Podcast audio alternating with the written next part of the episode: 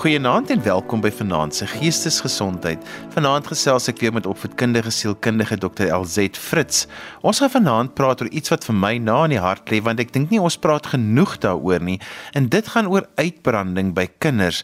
LZ, net die term uitbranding is altyd nogal moeilik vir mense om te verstaan dat dit met kinders kan gebeur want hulle assosieer dit eintlik net met volwassenes. Dis reg Johan, um, en goeienaand ook aan die luisteraars ons um, assosieer daai uitbranding met volwassenes um, en baie keer het ons alself daai ervaring gehad van ek hardloop op leeg. Daar is nie meer reserves nie. Ons weet hoe moeilik dit vir ons as volwassenes is vir onsself maar enige ander volwassene in ons binnekring wat ons weet wat dit ervaar.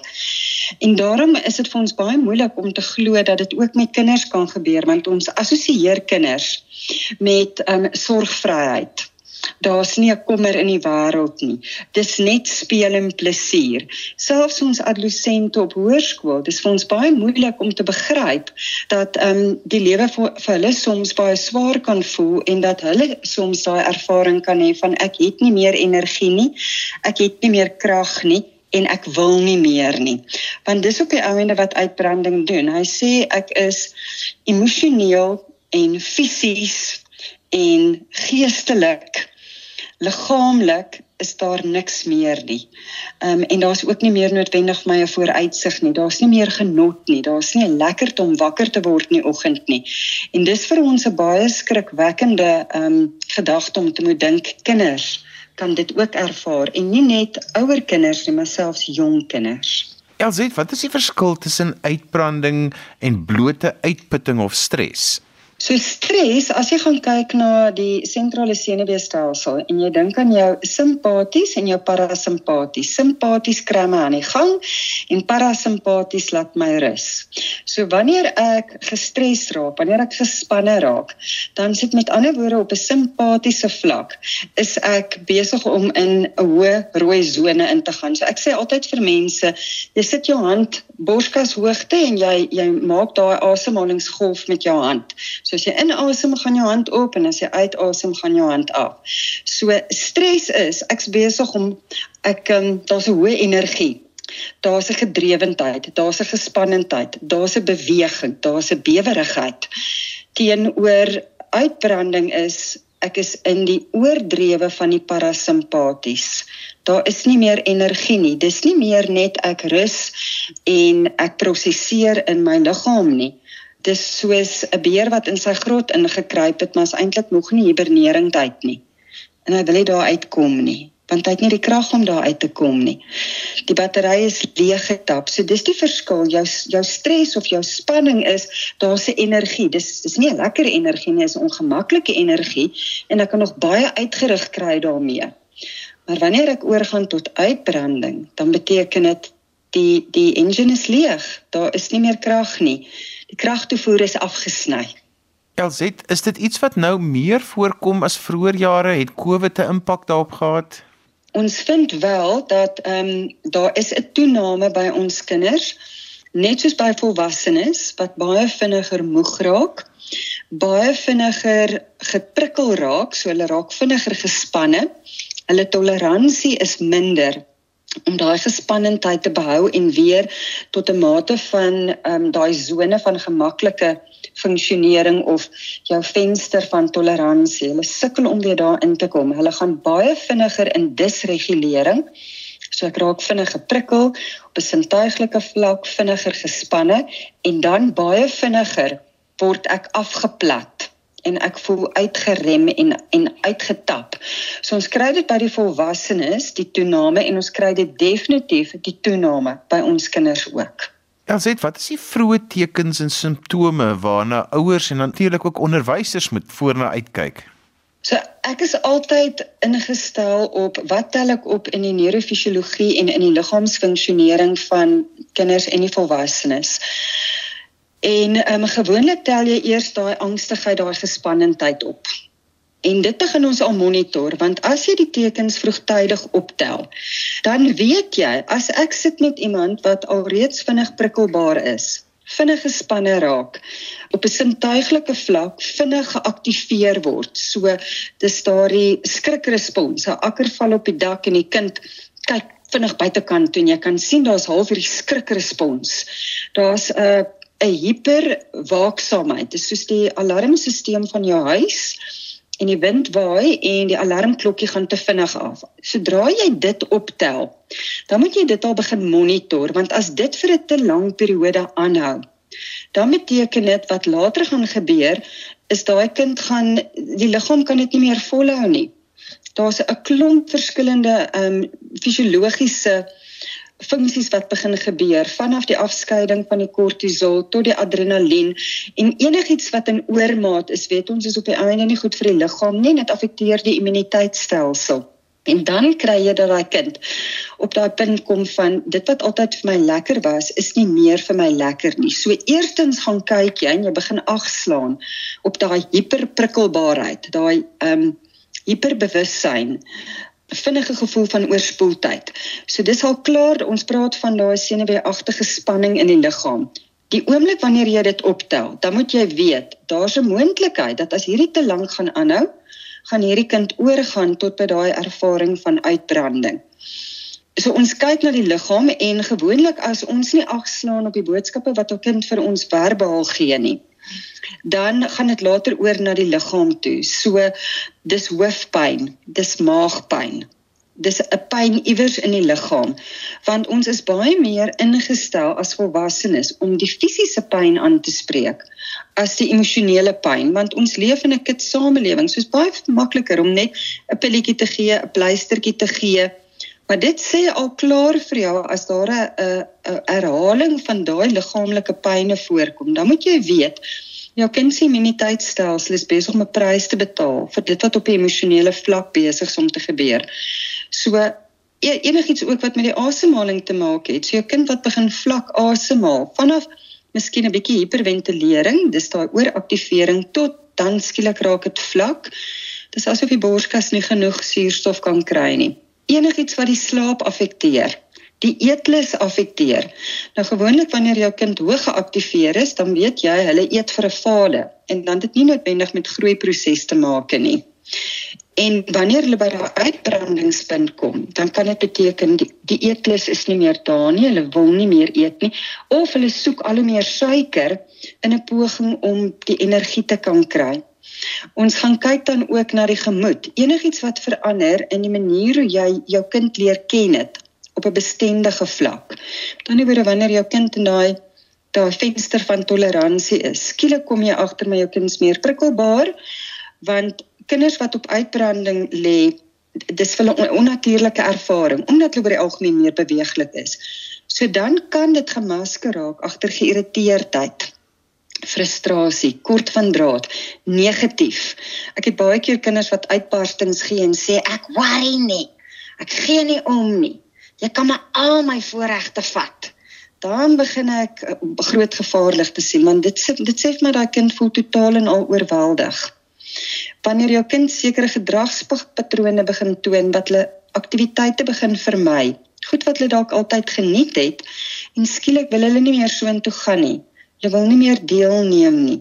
Dit wat lekker was, is nie meer op hulle in hulle gesigsveld nie. Hulle onttrek hulle self, die wêreldjie word vir hulle al hoe kleiner. Weereens, ek verwys nou daai beer in die grot. En dan kry ons natuurlik tegnologie want baie keer wanneer ons op hierdie uitbrandingspunt is en volwasse doen is doen dit ook. Dan um, ontvlug ons met speletjies of ek kyk van die een skermpie na die volgende skermpie en ek neem niks eintlik in nie. En dan op 'n kognitiewe vlak, my aandag verlaag. Ek gee nie meer aandag nie my konsentrasie is baie beperk. So jy gee my instruksie, maar ek onthou dit nie. Jy moet my 3, 4 keer gee. Intussen tyd raak die ouers radeloos. Die onderwysers raak kwaad want die kind luister nie.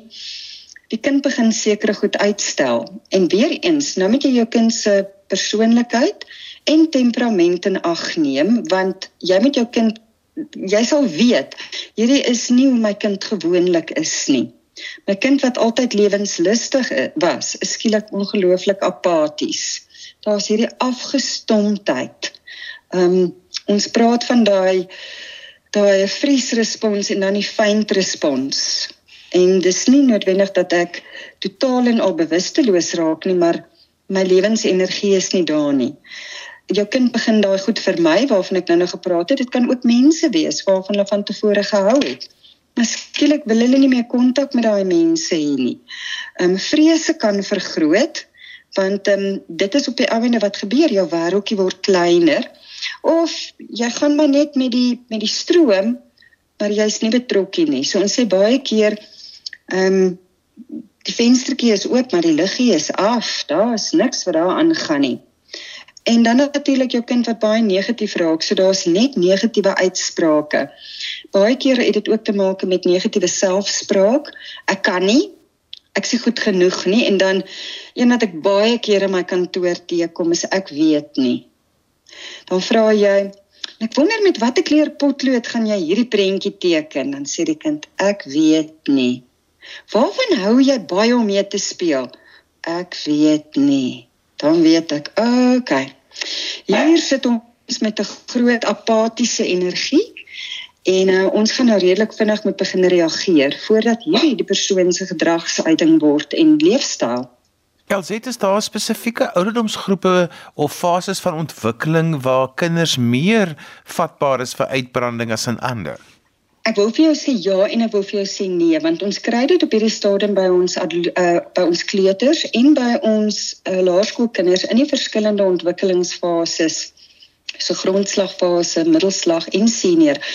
Maar ons adolessente is veral vatbaar juis as gevolg van wat in hulle fisiologie en neurologie gebeur tydens adolessensie want alles tydens adolessensie is geïntensifiseer. So as dit lekker is, is dit wonderlik. As dit onaangenaam is, is dit die ergste. So wanneer jou adolescent by daai punt van uitbranding kom en baie keer kan, kan daai saadjies al op 'n baie vroeër ouderdom eintlik gesaai word. Daar kon dalk al sekere insidente gebeur het op 'n baie jong ouderdom wat 'n kind vatbaar maak vir uitbranding. So ek gaan nou byvoorbeeld sommer net 'n 'n voorbeeld gee en ek gaan dalk um, uit 'n paar gevalle gaan ek ietsie saam saam insluit want ek is nogal sensitief vir my kliënte en konfidensialiteit. Maar ek sit ook met 'n adolescent wat na my toe kom op die ouderdom van 16 en sê maar hulle sien nie meer die sin in die lewe nie. Hulle wil niks meer doen wat altyd vir hulle lekker was. Jy daar is niks meer wat vir hulle lekker was nie en ek kom agter dalk nou onlangs het daar dalk iets gebeur. 'n Verhouding het skeef geloop of hulle het baie swak gedoen in 'n toets. En wanneer ek so bietjie gaan gaan uitvind oor die res van hulle lewensgeskiedenis, dan kry ek dalk 'n storie van ek was 5 jaar oud. Ek was hoog in 'n boom gewees. Ek het afgekyk vanaf die boom en ek het gesien my jonger sussie of my ouer sussie, maar ek voel eintlik meer beskermend teenoor my sussie so al is sy ouer voel ek eintlik soos haar versorger.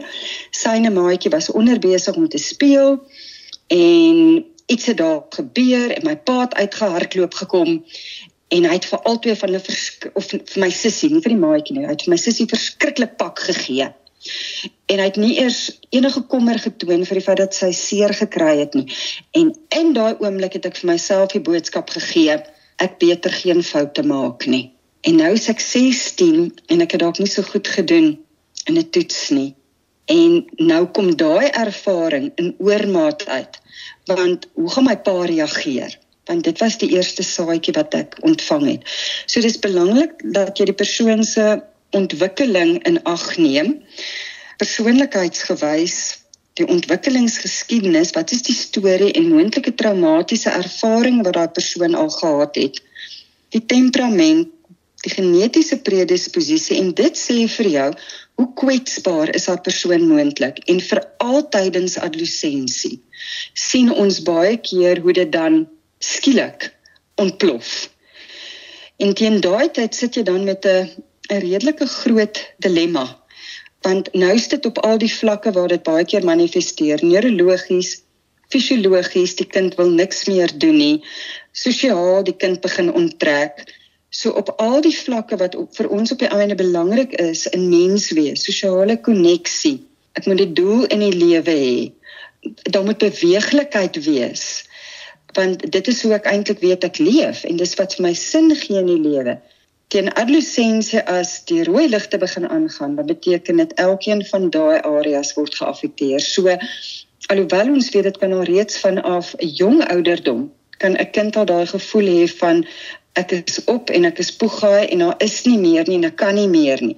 Die gevaar is net baie groter tydens adolessensie ook as gevolg van die moontlike roekelose gedrag of die impulsiewe gedrag wat dan daarmee gepaard kan gaan. Want ek dis juist waarby ek volgende wil uitkom is wat is dan die impak op 'n kind se geestesgesondheid as uitbranding dan nou een van die dinge is waardeur die kind gaan? Ek dink die die grootste gevaar wat dit vir my inhou is daai verlies aan hoop. So, um, as ek met iemand praat en ek sê vir hulle maar wat help jou deur moeilike tye? Dan baie keer gaan ek hoor nee, dis mense wat my help, dis dis diere wat my help, dis iemand wat my omgee, dit is fisiese aktiwiteite, kreatiewe aktiwiteite en dan ook um daar's 'n doel in my lewe met 'n 'n 'n hoër mag. Of jy dit nou 'n godsdiens wil noem of 'n spiritualiteit, dis op die einde wat mense deur moeilike tye kry. Maar wanneer daar 'n gebrek aan hoop is, ek sien nie uitkoms nie. En ek dink op hierdie stadium veral in Suid-Afrika maar ek wil eintlik half sê wêreldwyd want ek het mense reg oor die wêreld met wie ek kontak het en praat met sielkundiges en terapeute in ander wêrelddele. En ek hoor baie keer dieselfde tipe stories by hulle en dan het hulle krag en hulle het water. Maar dit ook hierdie gevoel van daar's 'n chaos en dis asof ons hoop begin verloor en daai gevoel van veiligheid ontbreek. So dit is die prys wat ons dan bepaal. Dis 'n groot gevaar want dis hoop wat my op die ou einde deur moeilike tye kry. Dis wat vir my sê hierdie is tydelik. Ek gaan nie verbykom en dan gaan ek uit my gat uit kan klim en dan gaan daar weer lekker tye kan wees. Maar die oomblik wat ek nie meer hoop het nie, dan ontstaan die vraag, maar hoekom moet ek dan aanhou probeer? Want dit gaan nie verander nie. En as dit is hoe dit gaan wees vir die res van my lewe, dan sien ek nie kans om aan te gaan nie.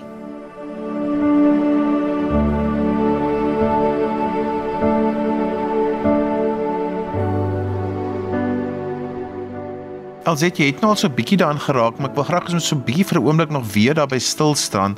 En dit is oor die faktore wat die meeste bydra tot kinderuitbranding. Is dit oorwegend akademiese druk of speel samelewingsverwagtinge en gesinsdinamika ook 'n belangrike rol? Dis elkeen van daai wat jy nou daar genoem het. So kom ons begin eers binne in die kleiner sistemiese sirkel want ek kyk altyd sistemies.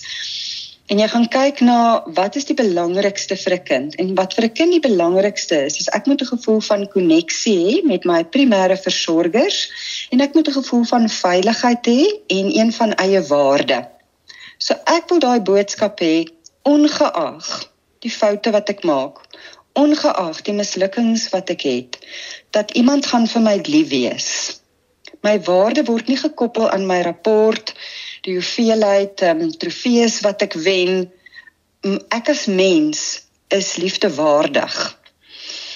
En ongelukkig wat baie keer gebeur en ek dink veral in in vandag se samelewing, die volwassenes is so ongelooflik gespanne.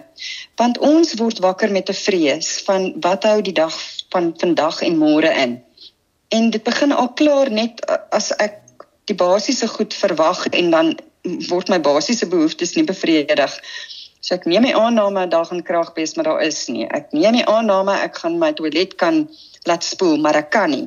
En dan begin ek sommer in daai spiraal ingaan van negativiteit en in daai proses breek ek my koneksie met my kind. Want ek gaan in my eie rooi sone in. Ek voel ek is lewensbedreig.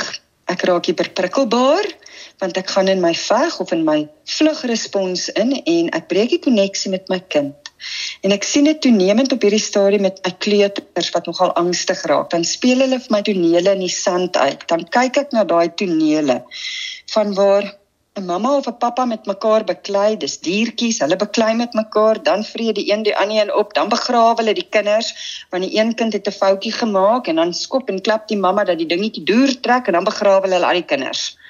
Dan dink ek, goed, dit is hierdie kind se interne leefwêreld en dan is dit baie keer nog eintlik liefdevolle ouers. So as 'n kind dit ervaar vanaf ouers, dan moet jy weet daai kind begin onveilig voel in 'n wêreld wat al klaar nie baie veilig is nie. Nou is ek ook nie in my ouerhuis veilig nie. So as ons dit dan so 'n bietjie verder kring en jy gaan kyk na die skool. Nou sit ek met 'n skool wat sekere verwagtinge het. Daar word druk op die onderwysers geplaas. Die kinders moet teen 'n sekere tempo werk en ek het 'n kind wat dalk 'n spesifieke leerbelemmering of 'n klomp leerbelemmeringe het as, as gevolg van verskillende redes, vanaf kognitief tot perseptuele uitvalle tot sintuiglik sensories, sosiaal. Ek kan 'n hele lysie opnoem. Nou begin daai kind daai gevoel kry in die klas van ek ek bly nie by nie. En omdat ons sosiale wesens is, kyk ons die hele tyd maar wat gebeur om ons. Ons vergelyk ons met ander. En dan is dit nog erger as ek dalk 'n sib het, 'n boetie of 'n sussie, niggie of neefie wat 'n uitblinker is, maar ek is nou nie noodwendig op daai gebiede uitblinker nie. Nou spoel dit wat in die skool gebeur, spoel weer terug huis toe want ek is bang. Hoe gaan my ma of my pa reageer? As ek nou nie so goed gedoen het in hierdie toets nie. Ehm um, dan kry ons ons kinders met 'n baie vol program. So dis my kinders wat hulle het uitsonderlike talente en hulle blink uit in sport en akademie. So daar's baie keer hierdie verwagting omdat ek juis hierdie talente het, ek moet presteer. En ek hou dalk self van 'n klomp goed, so ek wil aan alles deelneem. Maar eintlik weet ek ook my ouers voel baie trots as ek aan alles deelneem en ek kry al die trofees. Want ek is ook baie bewus van hoe hulle oor my praat aan ander mense. So nou neem ek aan alles deel. Maar intussen tyd kan ek later nie meer alles volhou nie. Dit raak net te veel want ek het nie genoeg tyd om net te ontspan, in te kleer, borrels te blaas, met die hond te speel. En dit wat vir my lekker was, word later 'n taak. Dis nou ook nie meer lekker om aan gimnastiek deel te neem of ballet. En nou kry ek daai druk ook. En nou wil ek dit ook later nie meer doen nie. En eintlik is dit goed wat nog vir my kon energie gee. So die program is net te vol. Alles is net te gejaagd en ek kry dit veral by die stad vergelyk dalk soms nog met my kinders in die platteland. Die stad is 'n gejaagdheid en as ons gaan kyk hoe hoeveel tyd spandeer jy net in die verkeer? Of jou kind nou bus ry en of hulle nou motor ry en wat is die temperament en die atmosfeer in die kar? Met wat besig is op op ons paaie, teen die tyd wat daai kind by die skool kom, is hulle al klaar of 'n bewerasie of hulle is afgesny. Daar's net nie nog kapasiteit nie. So jy gaan kyk letterlik in elkeen van die sisteme vanaf die ouerhuis die skool, die samelewing en ons kry daai boodskap van as jy nie goed presteer nie en jy doen nie goed in hierdie vakke nie, dan gaan jy nie eendag 'n goeie werk hê nie, maar jy gaan in elk geval nie 'n goeie werk hê nie want jy is of te pink of te pers of te geel of te groen. En dan weer eens dan dan wonder ons kinders later maar hoekom moet ek nou nog probeer? Wat wat is sin hierin?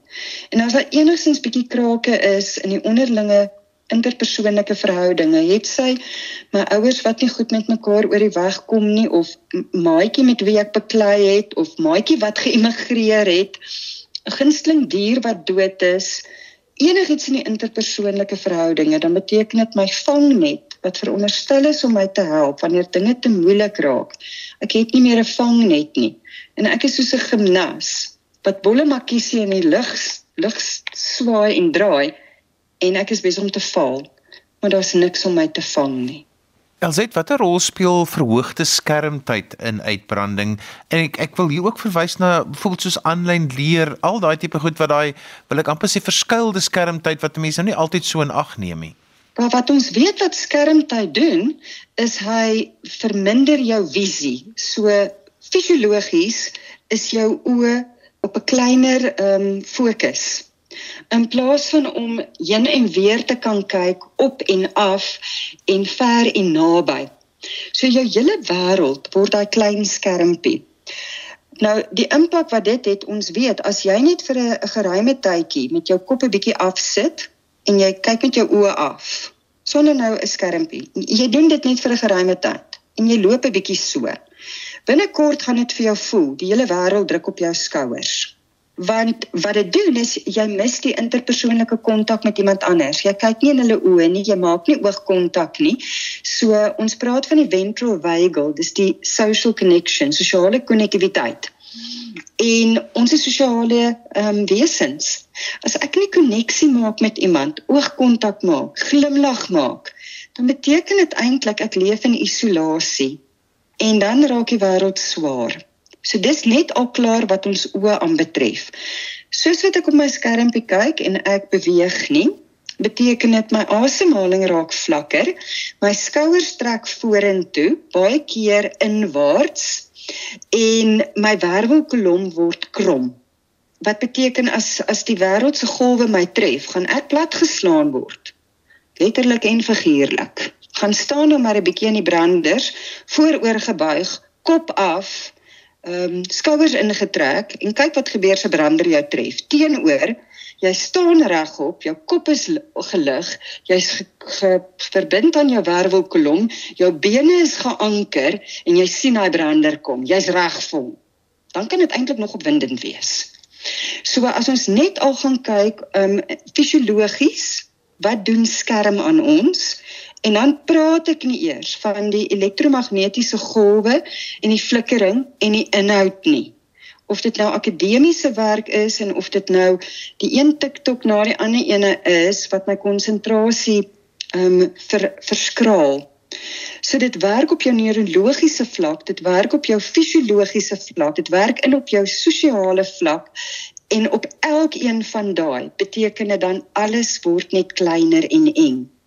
En uit die aard van die saak dan is dit vir my nogal baie moeilik om 'n swaar gewig op my skouers te hanteer. Dit gaan vir my voel alles is te veel.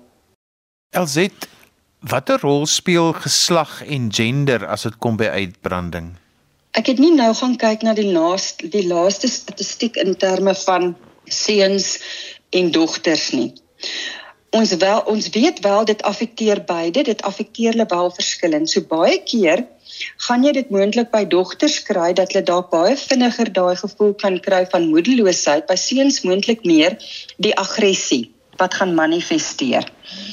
Ek is op die beste van tye nogal baie versigtig om te sê dit affekteer seuns op hierdie manier en dit affekteer dogters op daai manier want jy jy ontneem die individu.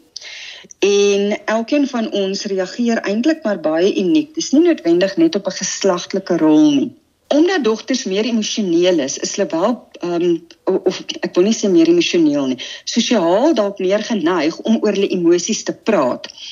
Is dit dalk vir hulle makliker om uiting te gee aan dit wat hulle ervaar, dalk makliker om uit te reik na iemand anders toe teenoor teenoor ons seuns wat baie keer groot ge gemaak word met al daai daai argaïese gesegdes van seuns huil nie.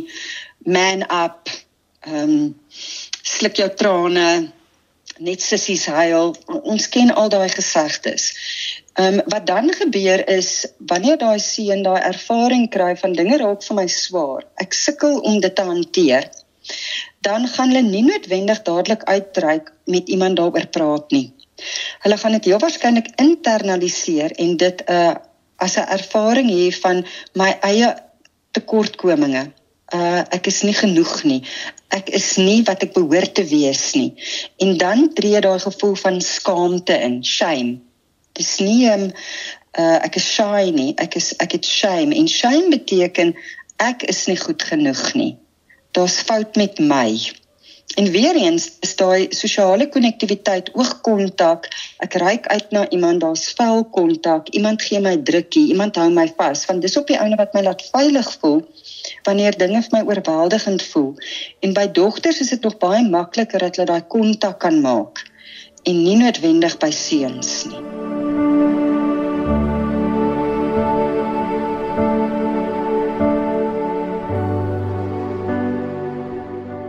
Elsit, hoe hanteer 'n mens uitbranding as dit by jou kind voorkom? So ek het begin in ons praatjie deur te sê gaan kyk eers na daardie daai tekens van aktivering want as jy dit vroeg genoeg kan optel dan dan weet jy die ingreep dis soos 'n klein gaatjie in die tand Dit is nie nodig om wortelbehandeling te doen terwyl dit dalk net 'n klein stopseltjie sou vereis want dis op die einde wat 'n persoon wil hê. Ek wil net daai ervaring hê van ek is nie alleen in hierdie gat nie. Dit is daar's iemand wat wat daar is vir my. Iemand gaan my help hiermee. Ek kan iemand se hand vashou letterlik en figuurlik. So hoe vinniger jy dit kan optel hoe beter. En as jy by daai punt kom van hier's nou moontlike uh, lewensbedreigende tekens. Met ander woorde, ek het nou al kleintjies gehad van die ouderdom van 9 wat vir my gesê het hulle sien nie meer kans vir die lewe nie. Alles is vir hulle te veel. Ehm um, selfs jonger kinders as dit. Teen daai tyd weet jy goed, nou sit ons nie meer net met 'n klein gaatjie in die tand nie. Nou gaan jy moontlik wortelbehandeling benodig. Nou het jy intervensies nodig wat op 'n fisiese vlak werk op 'n sosiale vlak, moontlik op 'n neurologiese vlak, so dis soms medikasie. So jy gaan elkeen van die sisteme interpersoonlik sowel as intrapersoonlik. Dit wat binne in daai persoon is, gaan jy moet aanspreek en jy gaan die nodige ondersteuning moet bied. En dan gaan jy nie nog meer druk plaas nie. So dis daai fyn balans tussen wanneer laat ek iemand ietsie doen want ons moet deurdruk en op die einde jy moet leer om te kan deurdruk. Maar ek gaan dit nie noodwendig op 'n kind in graad 1 of graad 2 van hulle verwag dat jy gaan aan drie sportsoorte deelneem en, en redenaars en en en dis nie dan die tyd om vir 'n kind te leer van deursettingsvermoë nie. So ek dink weer eens jy neem jou kind se se ouderdom en ontwikkeling in ag. Jy neem die persoonlikheid in ag en jy gaan kyk na wat wat is nodig. Soms is, is dit die hele gesin wat 'n intervensie nodig het want miskien is dit die ouers wat self nie meer kan nie. Hulle is op uitbrandse vlakte. Hulle gebruik al addisionele substansies om hulle te help. Dan gaan dit nie help jy jy fokus net op die kind nie. Dan moet jy ook op die ouers fokus. En die ouers moet die nodige hulp kry saam met die kind. Soms is dit gesamentlike sessies sodat daai kind weer vertroue kan opbou ook in die ouer. Want as hulle die ervaring het my ouer kan nie meer nie, dan beteken dit ek is heeltemal alleen en ek moet hierdie las op my eie dra en ek kan nie. Jy gaan kyk wat se sosiale koneksies kan jy weer inbring. Jy kyk binne in die skoolkonteks, wat se ondersteuning kan daar aangebied word. Miskien is konsessies dalk vir nou nodig. Miskien addisionele leerondersteuning. En dan die grootste ding, jy gaan kyk waar kan jy iewers pret inbring? Want dit is ons natuurlike teenvoeter vir uitbranding, hopeloosheid. Is they need to be fun. Jy moet iewers ligtheid in jou lewe ervaar. Ehm um, so daai aftyd wat ons baie keer dink maar, o, nou doen ek niks. Ek ek's nou maar soos 'n vrotvel, ek lê net hier.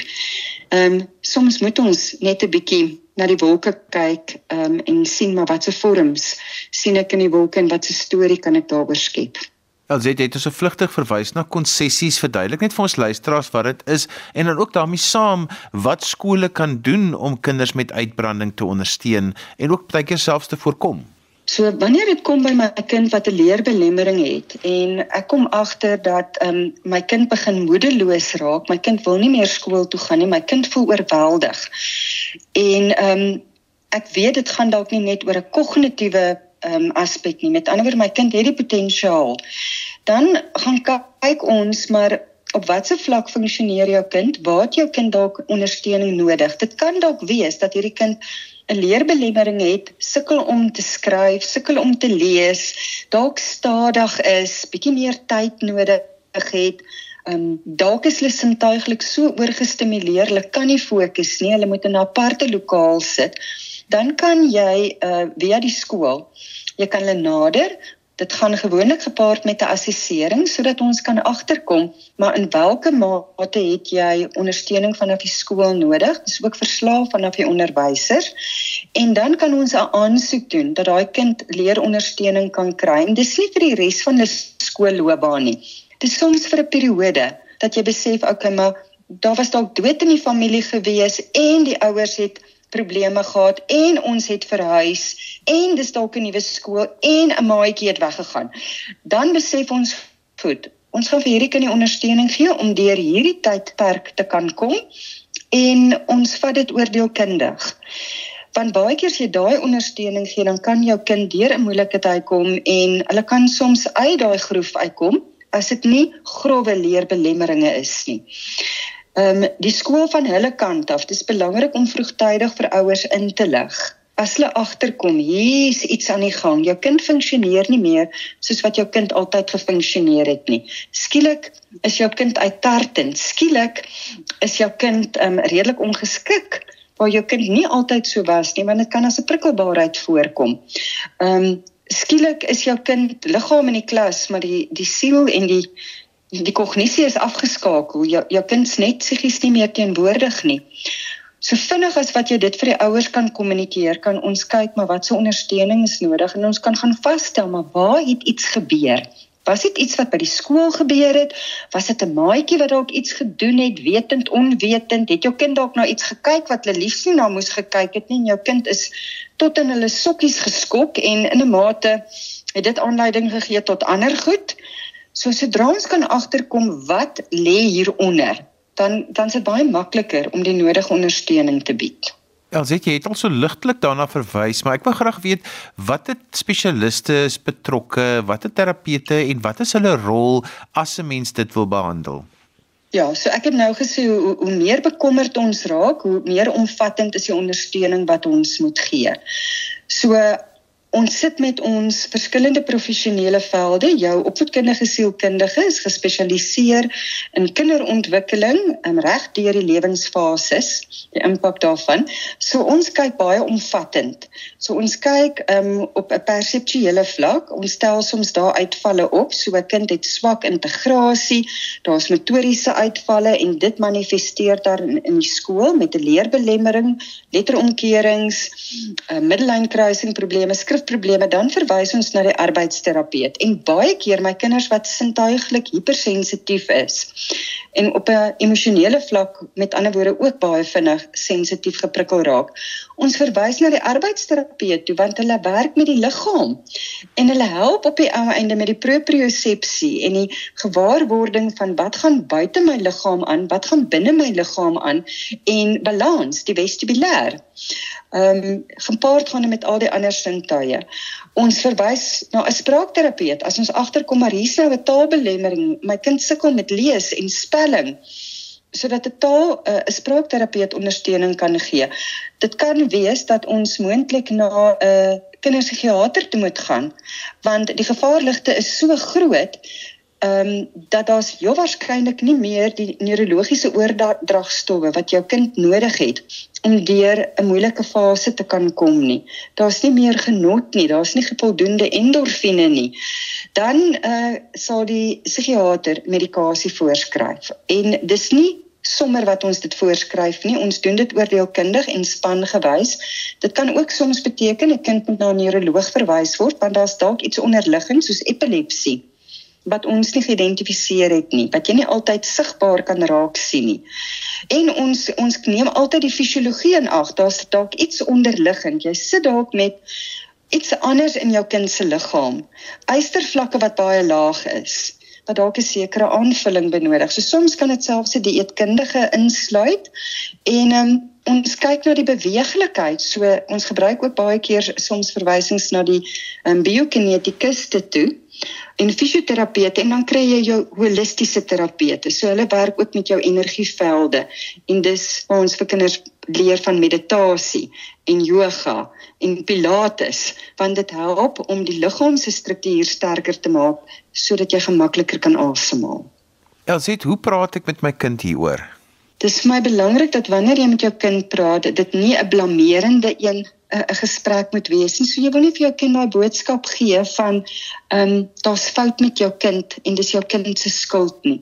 Ehm um, jou kind gaan al klaar dalk daai gevoel hê op die beste van tye van ek is nie goed genoeg nie. So ons wil nie nog skaamte vererger nie. Ek sê altyd vir mense, as ek nie 'n bril 'n bril opsit nie, dan kan ek nie ordentlik lees nie. Dis natuurlik een van die ander mense waarna toe ons verwys, optometriste. So jy kan met my raas en motiveer soveel as wat jy wil, maar as ek my bril op sit nie, gaan ek nie kan lees nie. Ons is baie vinnig om om fisiologie aan te spreek, maar ons wil nie altyd die psigologie aanspreek nie. En die een is net so belangrik soos die ander een.